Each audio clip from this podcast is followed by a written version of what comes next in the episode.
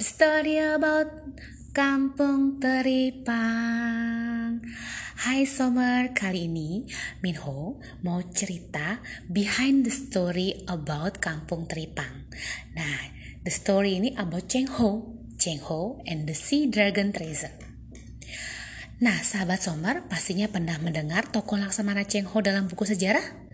Pastinya, tokoh tersebut selalu hadir dalam tulisan sejarah bangsa Cina. Hal ini berkaitan dengan cerita yang ada di kampung Teripang.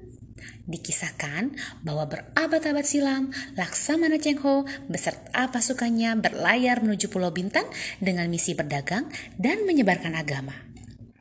Selain menjalankan dua misi tersebut, ada misi lain yang tak kalah menariknya, yakni mencari harta karun air liur naga yang dapat membuat awet muda dan obat dari berbagai macam penyakit yang tidak bisa didapatkan di sembarang lautan.